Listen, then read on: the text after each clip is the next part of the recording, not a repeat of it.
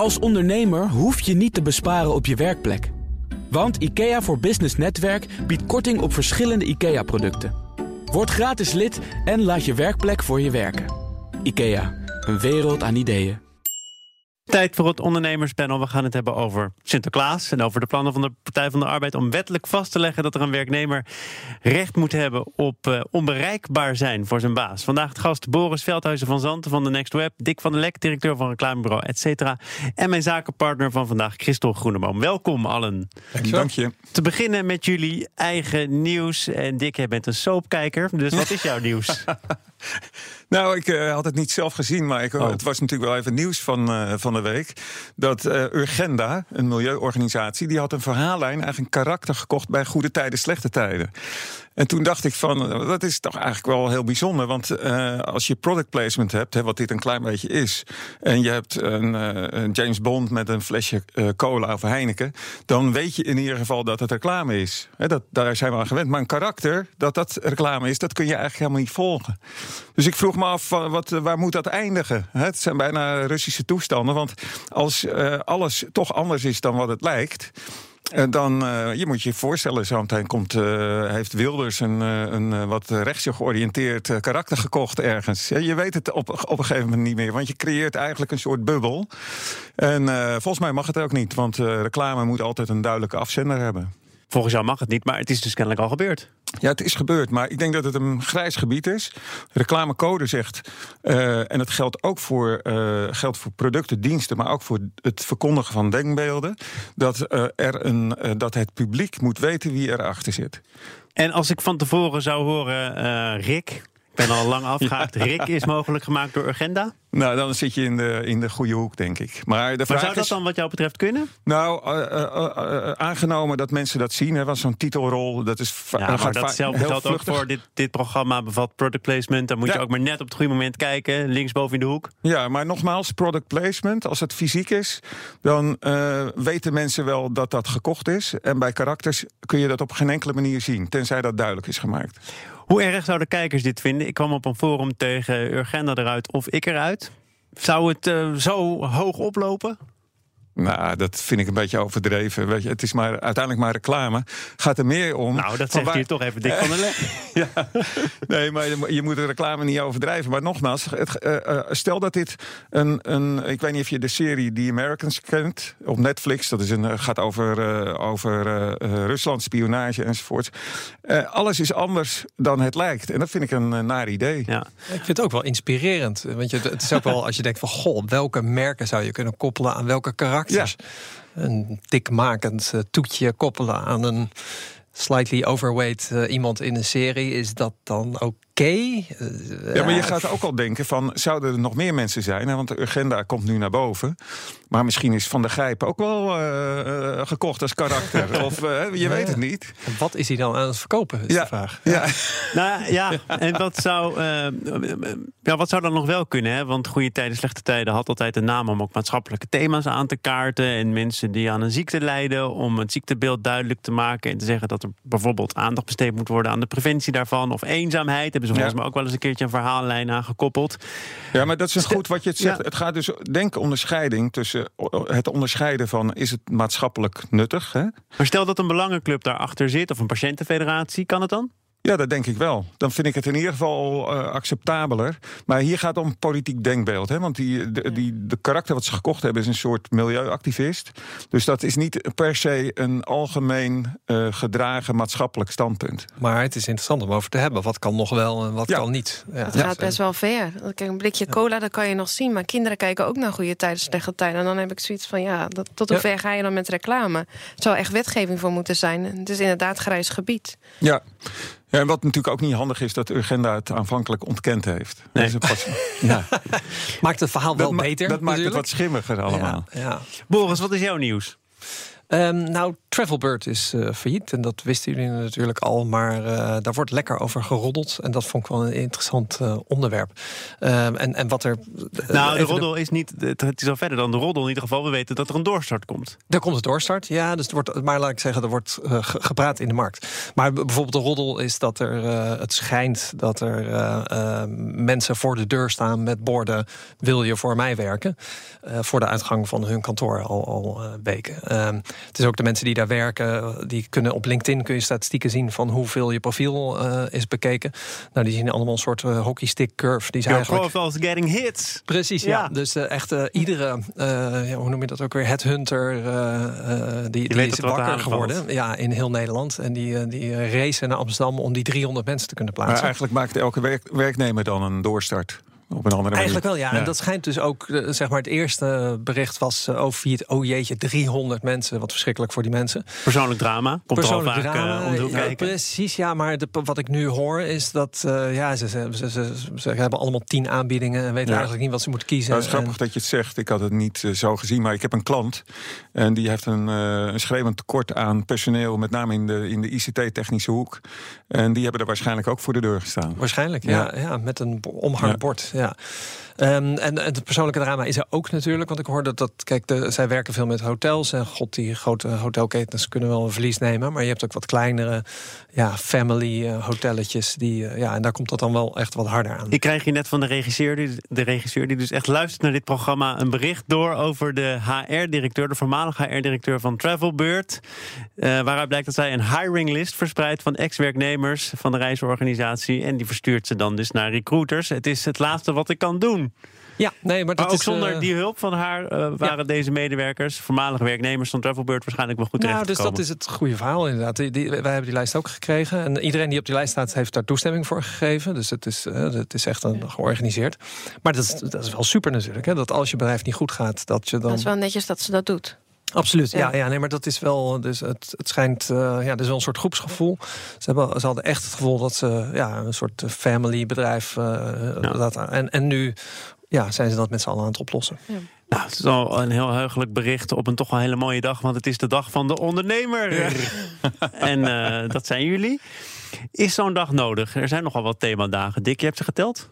Uh, nou, ik heb er ooit een column over geschreven. Uh, die, uh, met de titel Wereld Naaktuinierendag. Want zoveel zijn er. Er zijn, ik geloof, iets van 250. Er zijn bijna meer dagen, komen dagen tekort. themadagen dan er, er dagen in het jaar zijn. Dus dat is veel te veel. En er is een enorme wild, wildgroei. Volgens mij kan iedereen zomaar een dag claimen. En zeggen van, nou, het is vandaag de dag van de niet-machine. Of weet ik veel. En dan doe je dat gewoon. En dan maak je daar publiciteit omheen. Dus het, het zijn er veel te veel. Ik moet zeggen, ik vind de de dag van de ondernemer ik denk dat ondernemerschap wel vaak onderschat wordt. Ik ben zelf een beetje ondernemer, maar nog wel binnen een groter uh, geheel. Dus uh, een beetje een semi-ondernemer, om het maar zo te zeggen.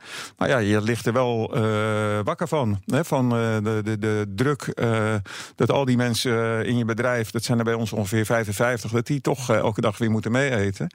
Dat, dat is niet niks. Maar er wordt er hier gezegd, ook door MKB Nederland, een van de initiatiefnemers van deze dag. We moeten de ondernemers bedanken voor hun durf en hun doorzettingsvermogen ik dacht, ja, ondernemers bedanken ook zichzelf. Zeker als het goed gaat met een hele mooie winst en een prima bankrekening. Ja.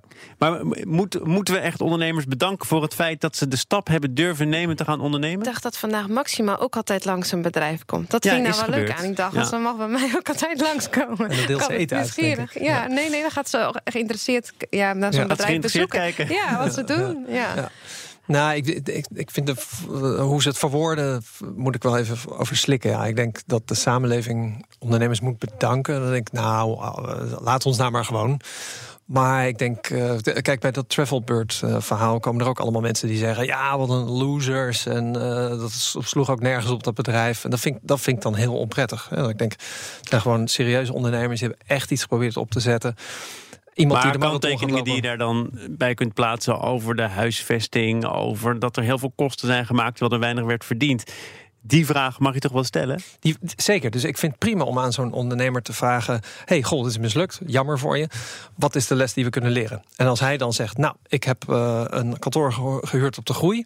Die groei uh, bleef wat achter uh, wat ik verwachtte. En toen zat ik opeens met een kantoor. Nou, dan kun je toch niet zeggen: wel een loser. Ja. Dan denk ik, nee, nou, maar dat ja, is ook het wereld op zijn kop. Weet je, die ondernemers die geven dan soms honderden, soms duizenden mensen een, een, baan. En natuurlijk is het wederkerig. Hè? Dus je moet elkaar bedanken een beetje. Maar het zijn wel de ondernemers die voorop lopen, die het risico lopen, die als het misgaat, hè, want de banken zijn ook zo uh, ruimdenkend niet meer, dan ben je gewoon helemaal de klos. En dan halen ze uh, je huis weg, enzovoort, enzovoort. Dus je, je, je, het risico is veel groter dan uh, mensen vaak overzien. Is, is zo'n dag als vandaag ook nodig om andere mensen ervan te overtuigen? Ondernemer zijn, yes, we gaan ervoor. Is dat nog nodig? En er was natuurlijk een tijd dat zeker mensen die hadden gestudeerd, uh, dat was niet helemaal bon ton om dan ondernemer te worden. Heb ik me laten vertellen, want dat is echt al ja. een tijdje terug. Uh, is dat nog steeds zo? Ja, ja, dat weet ik niet. Ik, ik was toevallig afgelopen weekend op de TU Delft op een open dag. En uh, ja, dat lijken wel allemaal ondernemers. Want ze hebben allemaal een idee. Hè. Ze lezen allemaal de krant, kijken wat voor problemen er zijn in de samenleving. Of ze daar technische oplossingen voor kunnen bedenken. En dan hebben ze een soort uh, start-up academy. Uh, yes Delft heet dat geloof ja, ik. De incubator. Ja. Incubator. En dus ik heb het idee dat op veel fronten wel wordt ondernomen en wordt geholpen daarin. Ja, ik denk ook start-ups een enorme stimulans voor de economie zijn. Uh, een van de grootste werkgevers, zelfs als je, als je ziet waar ze allemaal invloed op hebben. Dus we hebben designer nodig en de designer heeft weer boekhouder nodig. En dat alles is natuurlijk met elkaar verbonden. Dus uiteindelijk denk ik dat het heel goed is als meer mensen gaan ondernemen. Behalve dat het natuurlijk wel risico's heeft. Sinterklaas komt in Nederland. Uh, sinds kort een controversieel feest uh, rondom de Zwarte Pieten discussie. We zijn het er allemaal nog niet over eens met elkaar. Dick, ja, ik heb ook even in de archieven gekeken. Jij hebt ooit een column geschreven waarin je je afvraagt wat is nog waar en wat is niet waar. Wie zegt mij dat de Zwarte Pieten discussie geen prank is van de Nederlandse Schoorsteenvegersbond? ja, jij bent hartstikke creatief natuurlijk. Zie je mogelijkheden? Ja, het zou kunnen natuurlijk. Ja, kijk, die, die, uh, dat zou op zich. Uh, ik was hem even vergeten, maar goed ja. dat je hem in herinnering brengt. Echt lang geleden maar, hoor. Maar ja, het is toch een beetje mijnenveld geworden. Want die column is denk ik al van uh, twee jaar geleden. En in de tussentijd durven heel weinig uh, ondernemers uh, zich daar nog aan te branden. nou heb ik wel het idee dat er een groot verschil is tussen, tussen ondernemers of reclamemakers die Sinterklaas aanraken. Of die daar de Zwarte Piet bij betrekken. In reclame zelf, ook in de winkelinrichtingen enzovoorts, zie je de Zwarte Piet, die zie je eigenlijk steeds meer naar de achtergrond. Volgens mij heeft Hema heeft er niet meer. Bewuste keuze, dan ja. hoeven we ook geen ja, ja, onderscheid da, da, te maken. Dan dus hoeven we niet te kiezen, precies. geen kant te kiezen. Ja, dus het is de, je ziet dat de, de, het vergrootglas, of nee, de zoom eigenlijk nu op Sinterklaas zit. En dan hoef je de Zwarte Piet eigenlijk niet meer te laten zien. Wat ook een statement is op zichzelf. Hè? Dus wat ja, dat is, Kijk, de reclamemakers en ondernemers die gaan ook een beetje mee met de flow. dus als individuele ondernemer of adverteerder heb je niet de power om heel Nederland op nieuwe gedachten te brengen. Ja, dat zie ik toch wel anders hoor. Ja, ja ik heb als bedrijf ben je onderdeel van de maatschappij en heb je vaak ook invloed op de maatschappij. Want je hebt klanten, je hebt bereik. Dus dat, daarmee komt ook een verplichting, vind ik, om, om positie te kiezen. En, en soms je, je invloed te gebruiken voor wat je goed ja, ze doen het dan al. Sommige bedrijven of winkels die slaan het dan over. Dan gaan ze gelijk naar de kerst. En dat vind ik dan toch ook wel weer zonde. Want we, ja, dat is zonde, toch... ja, zeker. Maar dus ik denk ook Sinterklaas, het, het principefeest is, niet, is niemand tegen. Nee, nee. Die Zwarte Piet discussie, ja. dat is wat, uh, ja. ja, dat, dat is duidelijk ja, ik vind, discussie. Ik vind het nobel dat je het zegt, hè, dat, uh, dat je inderdaad als individuele ondernemer of adverteerder ook ergens voor moet durven te staan. Dus in die zin zou je onderscheid kunnen maken. Maar uh, de, de registratie is, als je om je heen kijkt, wat men ermee doet. Hè, de Bijenkorf die kiest voor Gouden Pieter bijvoorbeeld. Dus mensen gaan er op een slimme manier omheen. Ja, maar stel, stel uh, Boris, jij zou een etalage eruit mogen inrichten. Ja. Wat zou jouw, ja, nou, wat zou jouw keuze zijn? Ik zou daar niet een Zwarte Piet in doen. Ik vind inderdaad dat we afscheid moeten nemen van het fenomeen Zwarte Piet. En als ik een. Maar je zou er een andere, Piet, je zou er een andere Piet in stoppen. Ja, ja ik denk wel. Als ik, kijk, als ik, uh, ik, ik. sta zeker aan de kant. Van, ik vind niet dat Zwarte Piet nog kan. En dat is gewoon als je, als je, als je een beetje één keer naar Amerika reist. en je spreekt met iemand en die zegt: Kun je mij dat uitleggen? Dat Zwarte Piet verhaal. Dan realiseer je Nee, eigenlijk niet. Ik krijg dit eigenlijk niet uitgelegd. Over... Dus ik denk dus dat op het moment dat de bijenkorf zegt van... hé, hey, wij willen de hele uh, etalage ingericht hebben met Zwarte Pieten, kun jij dat doen? Dat ik dan zou zeggen, ik wil dat doen, maar doe ik het op mijn manier. En dan doe ik niet Zwarte Pieten. Ja, ja, ik denk dat is de eerste trend, gewoon eromheen. En de tweede trend is meer naar kerst. Hè? Dus wat jij zegt. Ja, maar dat vind ik dan weer zo jammer. Ik vind toch altijd wel iets hebben, dat Sinterklaas. Ja, ik denk het ook. En zeker omdat het nog meer een kinderfeest is dan de kerst. Maar het komt ook een beetje uit het buitenland aanwaaien. Met name in de UK zijn de, de, de Tesco's en Sainsbury en John Lewis. Hè? Grote warenhuizen, die zijn allemaal. Die hebben een enorme traditie met grote, meeslepende, hele dure cashcommercials gemaakt. Waarbij ze eigenlijk een soort, bijna een soort contest hebben jaarlijks. Wie heeft de allermooiste, emotioneelste, maatschappelijkste kerstcommercial? En dat is toch in Nederland en ook in Duitsland wel aan het overwaaien. En dus uh, binnenkort kunnen we ze allemaal weer verwachten. Als je dus geen keuze maakt door of direct naar kerst te gaan of te zeggen we richten ons alleen op Sinterklaas.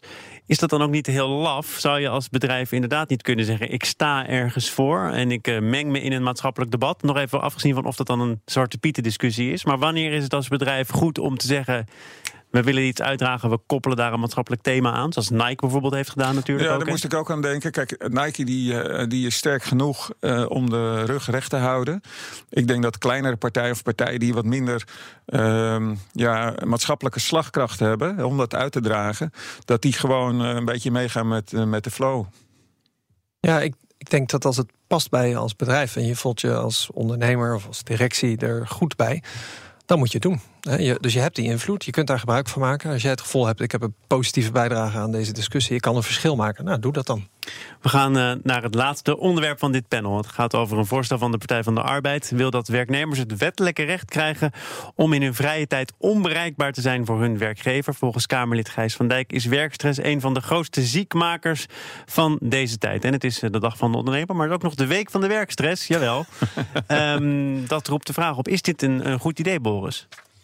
Ik vind het een gek idee. Eh, dus kijk, werkstress komt niet van druk zijn. Werkstress komt van onmacht. En als die onmacht zich uit. Eh, als je de hele dag mailtjes krijgt waar je je onmachtig van voelt, daar krijg je stress van. En als ze s'nachts doorgaan, ja, dat is, ik zie weinig verschil. Uh, ik, heb, ik stuur mijn werknemers, mijn partners de hele tijd berichtjes, ook om vier uur s'nachts. Maar we hebben heel duidelijk de afspraken. En dat zeg ik ook wel eens. Als ik je iets stuur, heb je geen enkele verplichting om om daar op te. Ik ben niet. Ik ga er niet vanuit dat jij wakker bent om vier uur. Ik ben wakker en ik moet. Ik heb iets waar ik vanaf moet, anders krijg ik stress.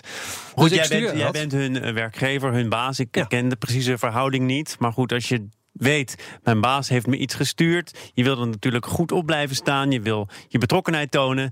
Dan is de neiging misschien om toch te reageren op de meest onchristelijke tijdstippen. Ja, dus dat is een communicatieprobleem dan. Hè? Dus dat, dat moet je oplossen. Kijk, als iemand reageert, als ik een berichtje stuur om vier uur s'nachts en stuur een berichtje terug, dan is mijn eerste berichtje daarna: waarom slaap je niet?